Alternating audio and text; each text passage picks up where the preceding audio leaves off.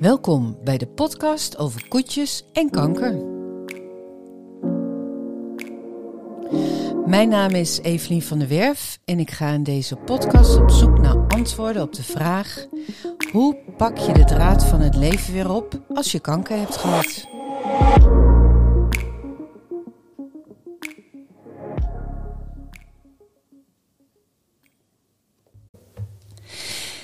Vandaag zit ik uh, aan tafel bij een jonge en hele stoere vrouw. Ik heb haar leren kennen via Instagram. En zij belandde een jaar of vier geleden in een soort van nachtmerrie. Ze kreeg namelijk een diagnose bijnierkanker. En dat is een hele zeldzame vorm van kanker. Welkom, Linke. Ja, dankjewel Evelien, dankjewel. Hoe kwam jij erachter dat je bijnierkanker had? Ja, heel, heel dom, heel per ongeluk. Ik, um, ik ben in 2017 kreeg ik de diagnose. En in 2016, um, ehm, in mei, ja, dat doet er niet toe, maar in jezelf, voor jezelf heb je van die eikpunten. Oh, toen en toen en toen. Ik kreeg heel veel pijn aan mijn rechterflank, midden in de nacht. Dus ik ben met mijn destijds nog vriend naar de huisartsenpost gegaan. En daar zeiden ze, nou, we denken dat het galstenen zijn. Mhm. Dus ik ben de volgende dag naar het ziekenhuis gegaan. En de mannetjes van de echo, die haalden er nog een mannetje bij. En nog een mannetje. En ze gingen van links naar rechts, van links naar rechts. En iets in mij zei al, dit is niet normaal. Maar ze zeiden niks. Dus ik dacht, het zal wel. Geen paniek zaaien, laat maar. Dus jij kreeg eigenlijk al vanuit je lichaam een, een soort waarschuwingssignaal. Een, was je onderbuikgevoel dat je dacht, hmm. Ja, en maar, maar toen, ik stelde mezelf rationeel gerust met, als het heel erg is, houden ze me wel. Oké, ja. dat, dat is altijd mijn houvast geweest. Um, ik ben naar huis gestuurd, dus ik dacht, het zal allemaal wel. En de internist belde en die vertelde, je hebt een adenoom, een goedaardig gezwel op je bijnier. Geen zorgen, gebeurt heel veel. Heel veel mensen hebben dat. Um, maar 3% is kwaadaardig. En ik wist destijds wel dat ik 50% kans had om um, dat ik gendrager was van het syndroom van Lynch. En dat syndroom is een soort, moet je vergelijken met BRCA-gen. En je hebt heel veel kans. Dat is een borstkankergen. Een borstkankergen, ja, goed. Zo. Ja. Ja, um, en dit is een gen voor met name darmkanker, baarmoeder, slijmvlies, eierstokken, Um, urineweg, nou, nog wat dingetjes in je buik allemaal. Ook borstkanker tegenwoordig trouwens, echt interessant. Oh, joepie. Ja, precies, kon er ook nog wel bij. Um, en ik zei nog tegen de internist, hoort bijnierkanker erbij? Nee, zegt ze, komt goed. Dus ik heb uh, drie controles gehad. Drie keer CT-scan en um, urine inleveren, omdat je bijnieren maken hormonen aan. Mm -hmm. Ik had overigens nog nooit van het, hormoon, uh, van het orgaan gehoord. Nee. Die kanker kreeg. En je was 29? Ja, ik was 29. Ja. En op een gegeven moment bleek na de derde CT-scan, hij is gegroeid. We moeten je doorsturen naar het ziekenhuis in de Radboud. Uh, daar zijn ze gespecialiseerd in bijnierziektes. Wij doen die operatie eigenlijk nooit. Nou, toen viel voor het eerst het woord operatie. En ik, dat was augustus en ik zou in september gaan, uh, december gaan trouwen. Jeetje. Dus ik was alleen maar bezig met, mm -mm, ik moet in mijn jurk. Ja. Snel opereren. Geen gedoe. Up en door. Dus ik werd uiteindelijk snel geopereerd. En de arts was wel zo van, nou, het op papier ziet het er niet goed uit. Hmm. Maar voor mij betekende dat operatie. Geen trouwerij, dacht jij. Jij Precies. dacht, mijn, mijn huwelijk komt gewoon in ja, gevaar. Ja. Ik dacht helemaal niet aan kanker. Ik was echt er niet mee bezig. Ik dacht alleen maar, dan hebben ze gezegd, zo kleine kans zal wel niet. Nou ja, uh, na de operatie uh, kwam ik met complicaties weer terug in het ziekenhuis. En mijn vader vroeg tussen neus en lippen door: Hebben jullie de uitslag al? Ik zat onder de morfine en die man begon te vertellen over. Die was er niet op voorbereid. Die begon te vertellen over de werking van de bijnier en bla bla bla. En ik dacht alleen maar: Zeg het nou. Het is kwaadaardig, zei hij. Jezus. En toen? Oh joh, ik was zo onder de morfine dat ik geen idee had wat die man allemaal had gezegd. Ik weet dat ik smiddags in mijn bed lag, in het ziekenhuisbed, en dacht: kwaadaardig. Dat is kanker. Dus het duurde gewoon heel uh, lang voordat ik dat merkte. Iedere uh, verpleegkundige was ook super aardig. Hoe gaat het met je? Ja, ik snapte ja. er niks van. Ik leefde gewoon een beetje nog in zo'n ik had echt veel morfine roes, zeg maar. En pas een paar dagen later kwam mijn behandelend arts. Ehm, en ik leefde toen nog dat weekend met het idee, het is eruit. Ik had kanker. Wat, wat bizar eigenlijk, dat je dat had zonder dat je het wist. Mhm. Ik wist ook niet dat dat kon. Ehm, en toen kwam mijn behandelend arts en die zei, ja, Link, het is echt, het zat aan een bloedvat. Het is super agressief, jouw variant. Ehm, dus we raden je echt twee tot vijf jaar chemo aan. Mijn god. Ja, nou en toen, hè, wij zaten het weekend nog een beetje te blij of zo dat, je, dat het eruit is. En in één keer hoor je die arts tegen mijn man zeggen, misschien heeft hij over twee jaar geen vrouw meer. Ja, dat is gewoon super heftig. En, en hoe, hoe voelde dat? Onwerkelijk. Wat gebeurde er in die kamer? Ja, ik, is heel veel gehuild in die kamer. En ik weet nog dat ik op een gegeven moment voor me uitstaarde uit het ziekenhuisraam. En dacht, dit is misschien wel dan een van de laatste zomers. Oh, Weet wat je, heftig. zo. Ja, dat, je, dat ik echt dacht, hoe voelt de zomer en hoe moet het vasthouden? En ik, dat ik het heel graag het leven wilde vasthouden. En dacht, ja, maar ik ben nog niet klaar voor nog maar een paar zomers. Ik moet nog minstens 60 zomers of zo. En heel verslagen ook, omdat we best wel, nou ja, dat niet hadden zien aankomen. Nee, nee. Nee. Dus je, je kreeg een eh, diagnose, je was eh, 29 jaar. Je was eigenlijk, nou ik weet uit ervaring wat het is om te gaan trouwen. Daar ben je gewoon hartstikke druk mee. Ehm, en werkte je toen ook op dat moment? Ja, ik werkte toen. Ik was wel eh, voor de operatie. Ik was alleen maar bezig met die operatie. Daar zag ik zo tegenop dat mijn leidinggevende ook zei: ga naar huis.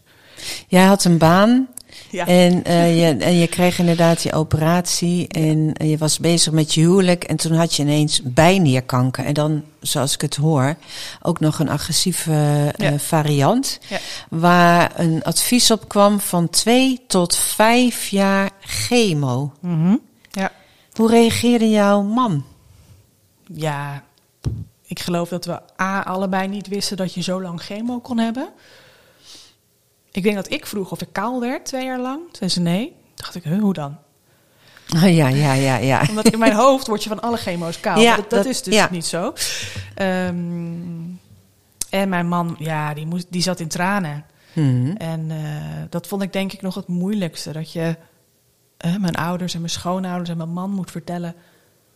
ik ga er alles aan doen, maar ik, ik, mijn lijf doet gekke dingen. Mhm. En, en eh, ja, heel erg Want- verdrietig. Ja. Had jij van, want ehm, ehm, voordat jij eh, erachter kwam dat je bijnierkanker had, had je daarvoor eh, rare klachten gehad? Of was je moe? Of, of kwam het echt als een donderslag bij helder hemel? Of kan je terughalen dat je nu denkt van, oh, ik heb misschien wel wat signalen gehad of zo? Ah, ik denk achteraf, denk ik wel, oh, dat jaar was ik inderdaad moeier. Dus in 2017 was ik moeier, maar mijn werk was ook druk. Dus ja, ik, en ik had... Wat deed je? Ik was product owner bij de Efteling.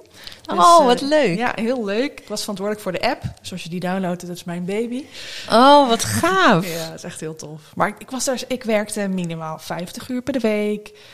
En ik had veel deadlines. Dus vind je het, en ik s'avonds twee keer in de week sporten. Dan vrienden zien, dan een biertje drinken. Druk sociaal leven, een druk werkzaam leven. Ik vond ja. niet gek dat ik moe was.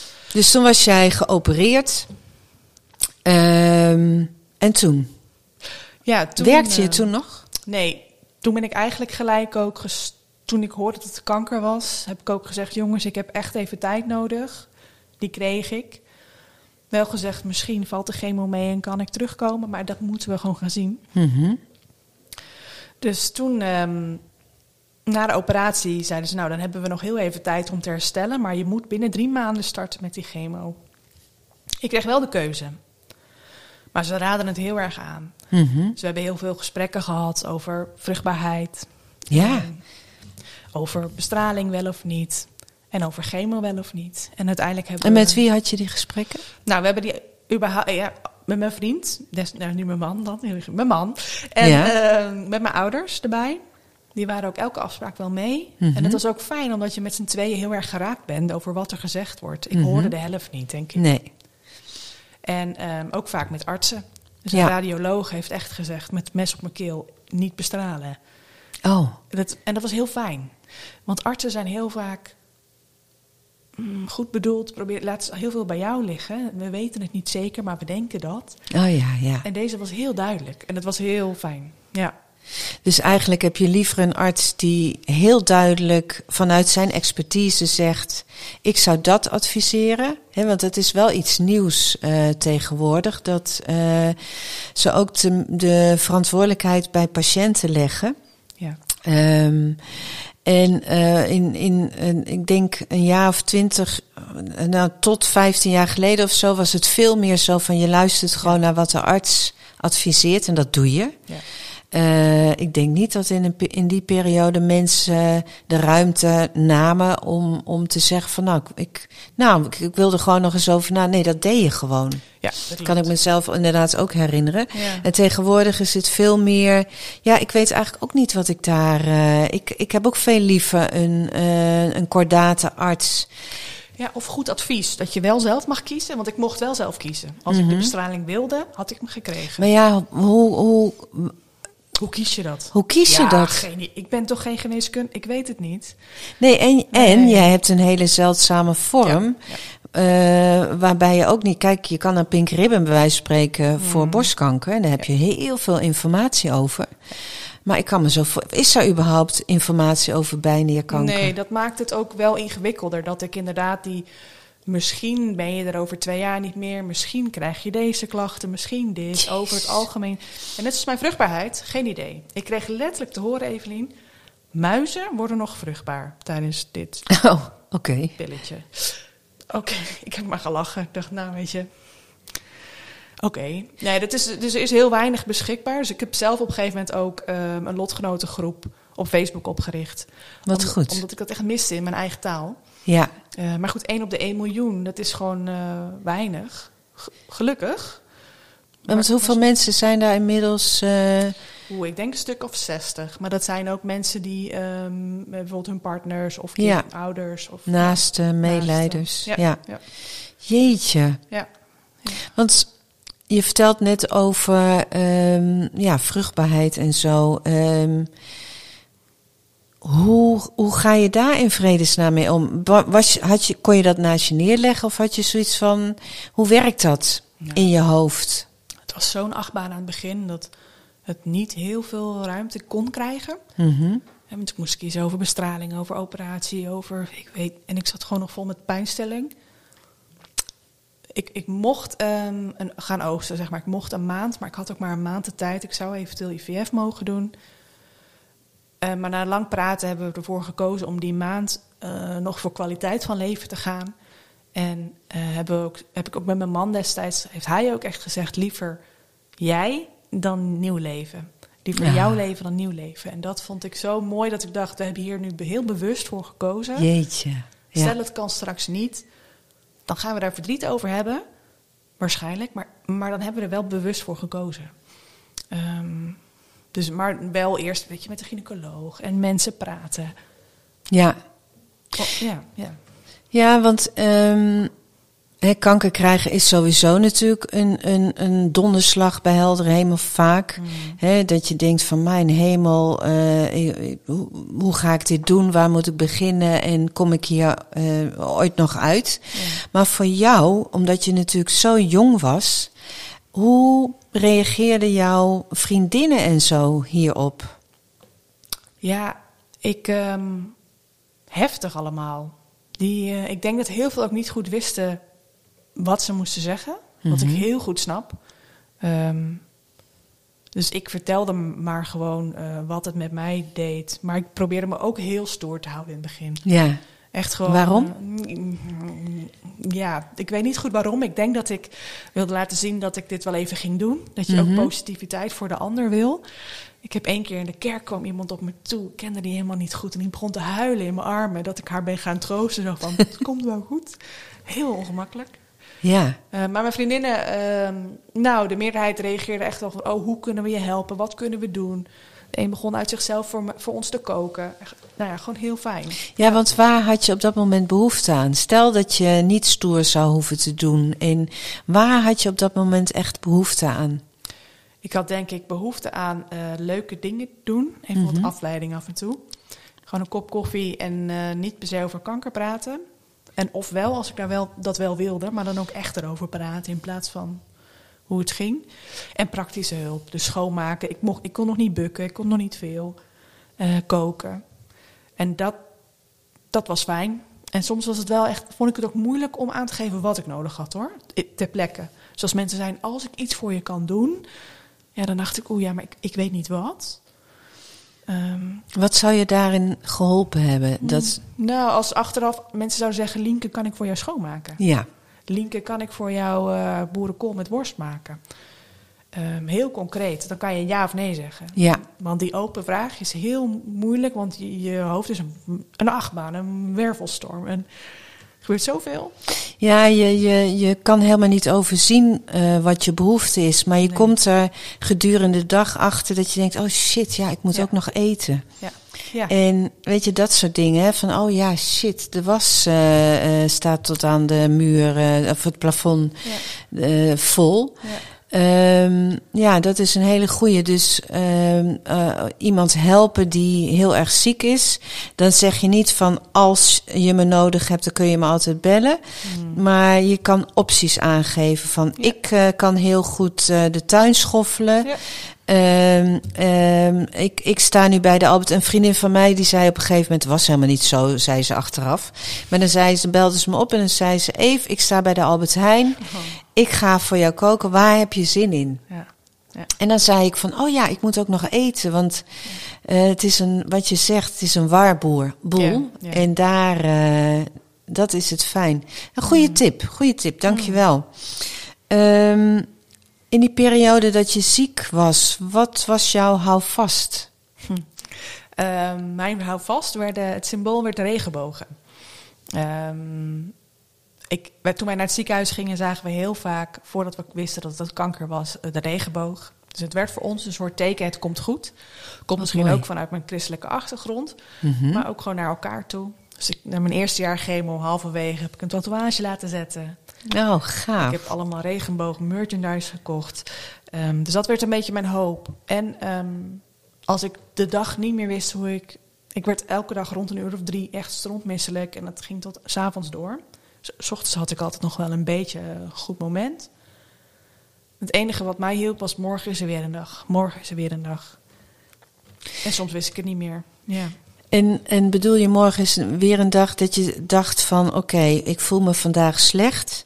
Laat het maar los, want morgen is er weer een dag. Ja. Bedoel je het zo? Ja, en morgenochtend voel ik me in ieder geval weer goed. Ja. En hopelijk s'avonds ook. Want dat was stevast. S'avonds slecht, s ochtends goed. En, en hoe lang, hoe, over wat voor periode hebben we het hier? Twee jaar. Jeetje. En dat kwam door de chemopillen? Ja, ja. Ja. Want je hebt dus die operatie gehad. Uh, daar moest je van herstellen. En toen je daarvan was hersteld, tussen aanhalingstekens, uh, kreeg je die chemopillen. Ja. Iedere dag één. Nee, uh, iedere dag. Maar je moet het langzaam opbouwen bij deze chemo. Dit slaat op in je vet. Um, en dan moet je naar een bepaalde streefwaarde toe. En dus in het begin had ik er twaalf. En op een gegeven moment werd het mijn dagdosis vijf of zo. Jeetje. Ja. Ja. En wat had je daar ook bijwerkingen van? Ja, superveel. Ik, uh, zeker naarmate de chemo vorderde en er meer en meer in mijn lijf kwam. Maar ik werd er heel erg moe van. Um, misselijk dus elke dag en echt gewoon ziek en naar. Geen eetlust.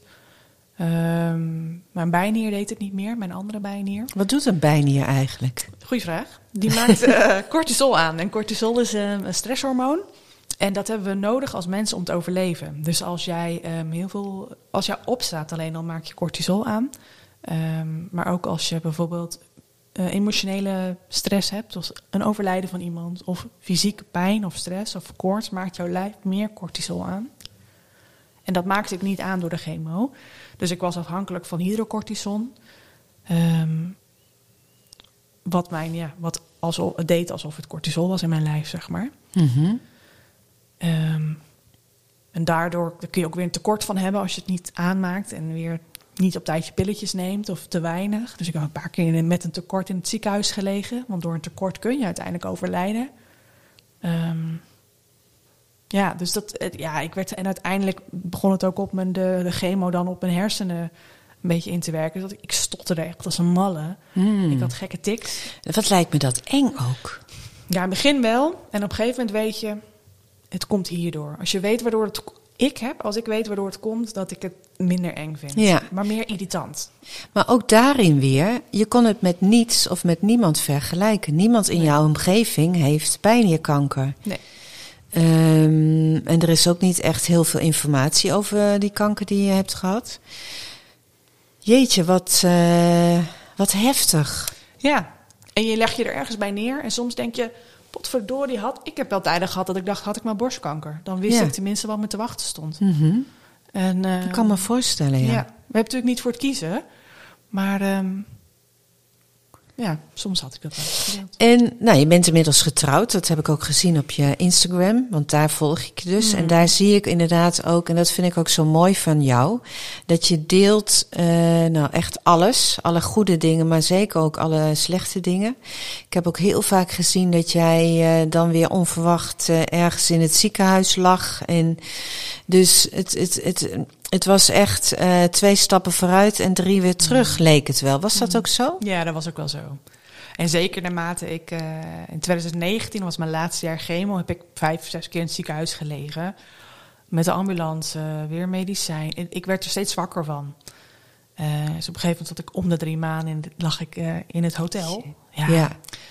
Ehm, gelukkig stopte dat en mocht ik stoppen met de chemo. Wilde ik ook stoppen. Maar het was inderdaad eh, bijgeknabbeld van de laatste opname en hup, daar gingen we weer. Ja. Had jij, als je nu terugkijkt, hè, ehm, voordat je kanker kreeg, had jij verwacht dat je zo sterk was? Dat je dit aan zou kunnen? Nee.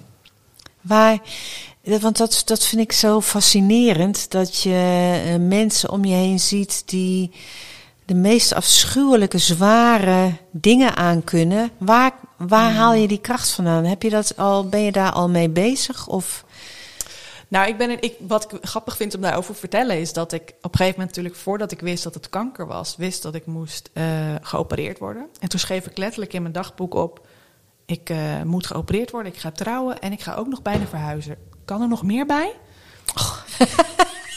nou, drie ma- twee maanden later had ik chemo. Ja, er kon nog meer bij. Ehm, dus dat, je denkt heel vaak dat je max hebt, maar dat, dat kan... ehm, Waar ik het vandaan heb gehaald, geen idee. Hoe ik die twee jaar chemo en al die misselijkheid, de slechte dagen. Ik denk op een hoop op, op beter. En dat je beter wil worden. En dat je weer wil leven. Klinkt een beetje vaag, maar dat je weer wil, meer wil genieten van wat er is. Mhm. Misschien dat. Maar ik ben er nog niet helemaal uit hoe ik dat. eh, Behalve dat ik het dus nu weet dat ik het kan. Ja. Ja, dat is toch fantastisch? Ja. Dus eigenlijk, je bent nog hartstikke jong. Ehm, je hebt een van de, de, de grootste uitdagingen van je leven, heb je gewoon, of gewoon, dat, dat klinkt gek, heb je doorgemaakt. Ehm, ik kan me ook voorstellen, ik kan me ook voorstellen dat dat nu voor jou dat kwartje nog niet helemaal valt, maar ik, eh, misschien dat over een tijdje dat dat jou zo ongelooflijk veel zelfvertrouwen gaat geven. Mm. Ja. Ehm, ja. want hoeveel mensen zijn er die dit doormaken? Mm. En, ja, en als ik zo naar jou kijk. Ehm, hè, maar goed, dat is natuurlijk ook een raar. ehm, niet, niet, eh, niet alles wat je ziet is zoals het is. Ehm, maar goed, hoe jij in het leven staat en zo, dat is echt eh bijzonder. Nou, ik vind het heel bijzonder. Daarom vind ik het ook zo fijn dat je je verhaal wilt vertellen. Want Mm. je bent een enorme inspiratiebron voor mensen. Oh. Mm. En, maar goed, laten we vooral ook even verder gaan. Want op een gegeven moment was je klaar met de chemo. Ja. Wanneer was dat? Eh, 2 november 2019. Ja, wat grappig. Dat zijn Ja. van, die, van, die, van die mijlpalen. Ja, die onthoud je. En die voor de rest van mijn leven. Ja. ja. 2 november 2019. Ja. Hoe ging dat? Ik vond het doodeng om te gaan stoppen. Ja, want ik had, je moet je nagaan, je slikt elke dag twee jaar lang eh chemopillen die jou voor je gevoel in leven houden. Hmm, ja. En ehm, officieel hadden ze aangeraden om vijf jaar chemo te doen, maar ik trok het echt niet meer. Het ging zo slecht. Dat was geen leven meer.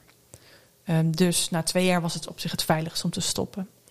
Ik heb die dag toevallig, eh, was er op een, een, een bijnier kankervereniging had een, een, een congresachtig iets voor overbijnierkanker georganiseerd. Het eerste in Nederland. En ze vroeg of ik daar een praatje wilde geven. Oh, wauw. Dus het was niet, was niet meer dan passen dat ik daar zat en mijn verhaal vertelde. En die avond met mijn ouders en mijn schoonouders en mijn man heb ik de laatste pillen geslikt. Met de laatste kopje chocolademelk ever. Oh. Ik moest dat met chocomel drinken, omdat het wat vetter was. Maar dat komt nu mijn neus uit. Ja, dat drink je nooit meer. Nooit meer, nee. Ik Nee. heb hier nog een pak staan en ik ga het niet opdrinken. Nee, nee. En de dag daarna heb ik vrienden en familie die dichtbij ons stonden tijdens die twee jaar, heb ik uitgenodigd. En we hebben geborreld en gevierd. En ze hadden allemaal regenbogen aan. En Oh, fantastisch. Maar het was heel eng om die laatste pillen in te nemen. Ik heb ook gehuild van tevoren. Hmm. Ik huilde voor de eerste pillen en ik huilde voor de laatste. Ja, ja, ja, ja, ja. Ja, En toen was het ineens, want dat was, wat zei je, 2 november? ja 2 november 2009. En toen was het 3 november. Heel raar. Vertel. Nou, ik was A, heel moe. Ja. Even dat praatje. En natuurlijk mijn feestje met die vrienden waar ik dan nog wel naar uitkeek die dag. En s'avonds ben je thuis en dan is het klaar. En dan ben je voor de wereld klaar. De medische wereld, maar- ben je klaar? Ja, de ma- de- maar ook de maatschappij. Voor mensen om je heen. Het is klaar. Je bent klaar met kanker. Oké, ja. Oké, dat is een mooi punt om inderdaad eh, over verder te praten. Je bent klaar met kanker. Mhm. En hoe voelde dat voor jou ook dat je klaar was met kanker? Nee. Hoe voelde het voor jou? Ik ging gewoon, eh, ik was nog steeds die dag, elke dag misselijk. Omdat die chemo nog in mijn lijf zat. Ik kon nog steeds niks. Ehm, dus voor mij was er geen enkel verschil, behalve dat, dat ik geen pillen meer hoefde te slikken. Mhm. Dat is verwarrend. Ja. Ja. Want eh, op papier en, en, en eh, rationeel ben je klaar, maar het voelde niet zo. Nee. Nee. En hoe ging dat verder, dat traject? Nou, duurde bij mij, mijn chemo duurde een poos voordat het uit mijn lijf was, echt, uit mijn bloed. Dus daar leefde ik eerst echt naartoe. En dat was in eh, juni 2020. Toen was er officieel geen chemo meer in mijn bloed te zien. En toen dacht ik, oké, nu gaan we ervoor. Nu wil ik revalideren. Bam. ik ben altijd alles of niks. En ik moest toen gaan en ik moest weer beter worden. Ik had me altijd van tevoren voorgesteld dat ik, als de chemo klaar was, ik gewoon weer kon gaan werken. Ik weer kon bier drinken, alles wat ik vroeger kon. En dat, dat ging gewoon niet. Ehm, dus ik kwam echt van een koude kermis thuis. Ja, je voelt je echt genaaid wat dat betreft. Ja, hè? je dat voelt je, echt genaaid. Ja. ja, dat je denkt Ja. van, oké, kom maar op, we, gaan, eh, we pakken die draad eh, waar we hem los Ja, hebben hoor. gelaten, die pakken we weer op. Ja. En we gaan weer bier drinken en we gaan weer lekker bij de Efteling werken. Mhm. en, eh, maar dat kon niet. Nee. En toen? Ja, toen ehm, poeh, begon er in mijn hoofd ook gewoon een heel... En daar ben ik nog steeds mee bezig. Een heel groot een soort acceptatie slash aanvaardingsproces. Dat, Mhm. het, dat, het, dat mijn lijf gewoon niet meer is wat het is. Mhm, En dat mijn hersenen en mijn mentale conditie ook niet meer is wat het is. mhm. Eh, En vind je dat gek? ja, eh, ja en nee. Ja. Als ik op een afstandje naar mezelf kijk, denk ik, het is helemaal niet gek. Hier, vertelt net die twee jaar, hartstikke logisch. Maar mijn, mijn eh, stem die heel kritisch tegenover mezelf is en heel streng is, die zegt, nee, kom op. Je bent eh, beter, je slikt niks meer, je bent niet ziek, je bent niet meer misselijk. Ja, Ook heel herkenbaar. ja, ja. Ja, ja, want inderdaad, je bent uit het eh, medische circuit. Ehm, hadden ze trouwens eh, in het ziekenhuis je gewaarschuwd voor deze fase? Nee. Raar is dat, ja, hè? gek hoor. Ja. Dus eigenlijk, ehm, eh, je krijgt kanker, je krijgt behandelingen, je bent klaar. En, eh, en dan stopt alles. Ja. En ehm, nou ja, ik, eh, ik weet inmiddels ook, en dat is ook iets wat vanuit de psychologie. er komt eigenlijk nog een derde helft aan. En dat is in het begin de verwerkingsperiode. Dat je wat. en We hadden voor deze uitzending hadden we even gesprek. En ik, ik vertelde hoe dat voor mij voelde. Dat ik als het ware de kankergrot inging. Ik ging een tunnel door. En ik kwam aan de andere kant van de berg kwam ik er weer uit. En ik keek al om me heen en ik dacht, huh, waar ben ik nou terechtgekomen? Ik herkende het niet meer. Ik herkende mezelf niet meer. Dus En wat ik nu bij jou hoor, is inderdaad precies hetzelfde. Ja. En wat misschien dat kritische stemmetje wat je ook zegt, inderdaad van, eh, nou kom op, je hebt geen kanker meer, dus je hebt geen enkel excuus om niet alles weer te gaan doen. De kankerkaart, die mag niet meer. Nee, de kankerkaart is uitgespeeld Ja. en eh, nu moet je het eh, zonder joker gaan doen. Ja, ja, Oh, ja, ja. ja. en heb je nu hulp? Ja, ik heb ehm, zelf oncologische revalidatie aangevraagd eh, hier in het Utrecht in het ziekenhuis. En wat houdt dat in? Ja, ik heb met een ergotherapeut gepraat en een fysiotherapeut en een psycholoog, nee, psycholoog niet, maatschappelijk werker. Maar het was eigenlijk, voor mij had het niet heel veel zin. Ik zou het wel echt mensen aanraden als je het nodig hebt. M- mij heeft de ergotherapeut met name het meest gebracht. En, en wat deed die? Praten, nou, mij inzien over dat lichamelijke energie, dus eh, bijvoorbeeld met de hond lopen en met jou praten, zijn verschillende energiebronnen. Ehm, waar ik vroeger alles wat energie kost, vond ik vermoeiend. En nu denk ik, oké, nee, maar ik kan straks nog wel even een rondje met dat beest lopen. Want dat is mijn lichamelijke energie in plaats van mentaal. Ehm, dus uiteindelijk ben ik afgestudeerd, zeg maar, bij de revalidatie. Maar toen, kon ik niet heel veel meer dan dat ik kon. Dus nu ben ik zelf ehm, met een personal trainer bezig. Wat goed. Ik ben met mijn voedsel bezig. Ik neem superfoods. Ik probeer op te letten op wat ik eet. En ehm, ben me meer in het verdiepen in mindfulness. Ehm, Waarom?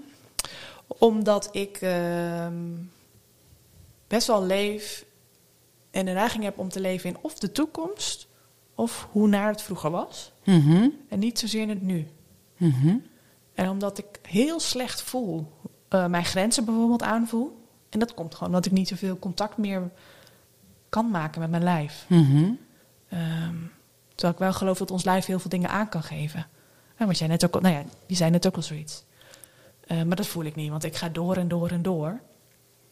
Eh, omdat ik die twee jaar lang, of drieënhalf, hè, eigenlijk afgelopen tijd alleen maar door moest gaan. En juist nu forceer ik mezelf een beetje om op de, ja, op de rem te staan. Mhm. Ja, nu hier te zijn.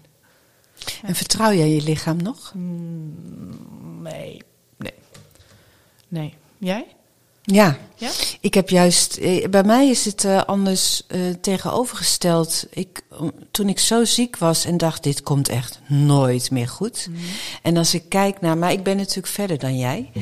Eh, als ik kijk naar wat ik allemaal wel kan, dan denk ik, dat is onvoorstelbaar, dat zelfherstellend vermogen van het lichaam. Ja. ja. Dus, ehm, en wat ik, wat ik ook heb geleerd de afgelopen jaren is dat niet ons brein heel intelligent is, maar ons lijf is heel intelligent. Want die geeft de hele dag aan eh, wat goed is voor jou of voor mij. En mijn lijf geeft precies aan wat goed voor me is door allerlei eh, emoties, hè, de zintuigelijke waarnemingen door te sturen naar het brein van pas op, een hoofdpijntje, pijn in mijn rug, eh, vermoeidheid. Het zijn allemaal signalen waar je iets mee moet doen eigenlijk. Ja. ja. Maar als je eh, vanuit je hoofd heel erg aan het denken bent van, eh, oh ik moet dit, hè, die kritische stem die, waar je het net over had. Dan leef je eigenlijk niet in contact met je lijf. Maar dan ben je heel erg bezig met wat eh, oude patronen waren. En ja, en die passen nou juist niet meer eh, bij je. Dus ehm, het is een, een, een, een best wel een, een ingewikkelde ontdekkingstocht neer, weer naar jezelf. Ja. Maar aan de andere kant is dat ook wel heel erg mooi. Want je, gaat, je bent nu eigenlijk bezig met een nieuwe basis te leggen voor de rest van je leven. Ja, nee, maar zo zie ik, probeer ik het ook te zien. Ja. En niet om te denken, oh, ik probeer steeds meer te kijken naar dit kan ik nog wel. Mhm. Hiervoor keek ik echt heel erg naar, oh, ik kan niet meer, de, ik kan niet meer dit, ik kan niet meer zelf schoonmaken, Logisch. ik kan niet meer de, dit, ik kan niet meer sporten, ik kan niet meer. En nu probeer ik te kijken naar wat ik wel kan. Ja. En er was er nog een hele interessante eh, post, zag ik op eh, Instagram eh, voorbij komen, waarbij je een verhaaltje had over, hebben jullie dat ook? Dat je het idee hebt dat je een soort sprookje moet maken van je kanker. Dat je daar, eh, eh, nou vertel het zelf maar. Ik merkte op een gegeven moment dat ik dacht, hé, hey, ik vind eigenlijk van mezelf dat mijn leven na kanker heel inspiratievol moet zijn. Oh ja. Dat ik mijn leven moet omgooien. Dat, en ik denk dat dat komt door films die ik heb gezien en de maatschappij die vindt, oh, als er iets heftigs met je gebeurt, dan, dan moet dat je leven stilzetten en dan moet je echt gaan doen wat je echt wil. Hmm. En dat gebeurt ook vaak, denk ik. Alleen in, in mijn hoofd werd het een soort van, oh, dus ik moet nu ook gaan nadenken over wat ik wel zou willen, terwijl ik ben nog druk aan het herstellen. Ik weet het allemaal niet. En vanuit HR zijn ze ook, misschien wil je wel iets anders. En ik, ik dacht alleen maar, ik wil leven. Ik weet niet wat ik wil. Ehm, dus dat was inderdaad dat ik soms merk dat ik vind dat ik eh, voor anderen inspiratievol moet zijn. En eh, het is geen druk of zo. Ik voel, ervaar dat niet zo, maar ik merk dat ik daar bewust eh, mee bezig ben. En hoe waren de reacties van anderen? Want je had een vraag Mhm. gesteld. Ja, Wat zeiden eh, mensen? Want je, je hebt heel veel soortgenoten, zeg maar. eh. soortgenoot. Ja, soortgenoot. ja, ik vind lotgenoten Dat klinkt... is wel beter, soortgenoten. Ja, soortgenoten. Ja, ik zie mezelf wel als een gek persoon, dus al die mensen zijn ook een beetje raar. Maar eh, ja, nou, heel veel mensen zeiden, ik herken dat heel erg. Of dat de maatschappij dat vindt, of dat ik dat zelf vind. Maar er zijn gelukkig ook heel veel mensen die zeggen, nee, mijn leven is of er beter van geworden... of ehm, ik probeer juist nu te leven zoals ik dat wil. Mhm. Dat, dat vind ik heel mooi als mensen dat zeggen. Dat, dat is misschien nog wel inspiratievoller dan het moeten inspiratievol zijn. Ja. Nou, ik kan me ook voorstellen, zeker gezien jouw leeftijd, eh, er ligt al best heel veel druk op eh, Instagram eh, vrouwen, denk ik, ja. die aan allerlei verwachtingen moeten voldoen. Je moet een fit girl zijn en je God. moet superfood, Ja. precies, Mhm. alles moet perfect zijn. Ja, ja. Ehm, en dan heb je, zoals, jou, zoals jij in jouw geval, zo'n gigantisch eh, zwaar traject gehad, eh, wat niemand begrijpt. Mhm. En je be- probeert het nu zelf eh, te begrijpen. Want wat is er eigenlijk allemaal gebeurd? Mhm. Dat, eh, ehm, wat voor een droom heb jij? Droom, mooi. Nou, ik hoop dat ik weer wat kan gaan werken op den duur. En dat ik ehm, gelukkig ben met mijn man, waar dan ook. En dat ik weer wat, maar weer kan werken. Ik kan, dat ik wat kan betekenen voor mensen om me heen in de wereld. Misschien is dat niet eens per se werken. Het kan ook anders. Maar dat ik weer wat er, ertoe doe voor anderen. Ja. En Mooi. ik wil eh, naar Hawaii. Naar Hawaii. Ah, ik wil naar die witte stranden. Ja, jij bent natuurlijk allemaal geweest. Jij vliegt daar dagelijks heen. Nee, jij vloog daar. Nee, witte stranden en palmbomen. Oh, Wanneer gaat dat ja, gebeuren? dat weet ik nog niet. Corona voorbij is of zo. Mooi. Ik vind het een mooi doel. Mooi Ja, doel in je leven. Mooi, toch? Ja. En dan, Oh, en dan ga je daar wat eh, ellende begraven en eh, neem je een schelp mee als. eh, ja, en die hou ik hier altijd in de woonkamer. precies. Mooi. Ja. Hey, tot slot. Heb jij nog een, eh, een tip voor een soortgenoot of voor gewoon een gezond mens van eh, wat, wat, je, wat jij nu, ehm, eh, daar, nou ja, een tip hoe je de draad van het leven weer, eh, weer oppakt en eh, het leven leidt zoals je het zelf wil? Hmm. Mm, niet. Zou ik, ik, wat zou ik mezelf... Ik wil die tip ook heel graag weten. Dus ik ga nu bedenken wat ik mezelf zou vertellen. Ja. Nee, ik denk dat het, zoals jij het doet, is het goed. En ik denk dat je mag doen wat je leuk vindt. Dus bijvoorbeeld, eh, om bijvoorbeeld fysiotherapie, eh, op de manier waarop ik het deed met fitnessen, vond ik eigenlijk niet zo leuk. En nu sta ik eh, een soort van bootcamp te doen. Doe ik dat zoals gezonde mensen of zoals normaal? Nee, maar ik doe het wel. Ehm, dus blijf bij jezelf en doe wat je leuk vindt en ook wat je belangrijk vindt. En, ehm, en geef jezelf zoveel tijd. En dat is echt niet mijn sterkste punt. Ik ben heel ongeduldig en ik wil liefst morgen alweer kunnen marathon lopen. Maar geef jezelf heel veel tijd. Ja, en zelfliefde. Dankjewel. Graag gedaan.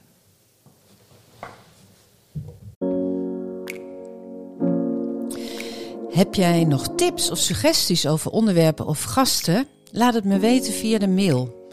Evelien van der Werf at gmail.com met dubbel F trouwens. En als je denkt, wie is dat mens achter die microfoon en wat doet ze allemaal? Neem dan eens een kijkje op mijn website www.evelienvanderwerf.info. Trouwens, in het tekstblok onder deze podcast vind je altijd alle informatie over de onderwerpen terug. Bedankt voor het luisteren en tot de volgende aflevering van Over Koetjes en Kanker. Won't you let me be a lifeline? Carry you with me through the darkest night.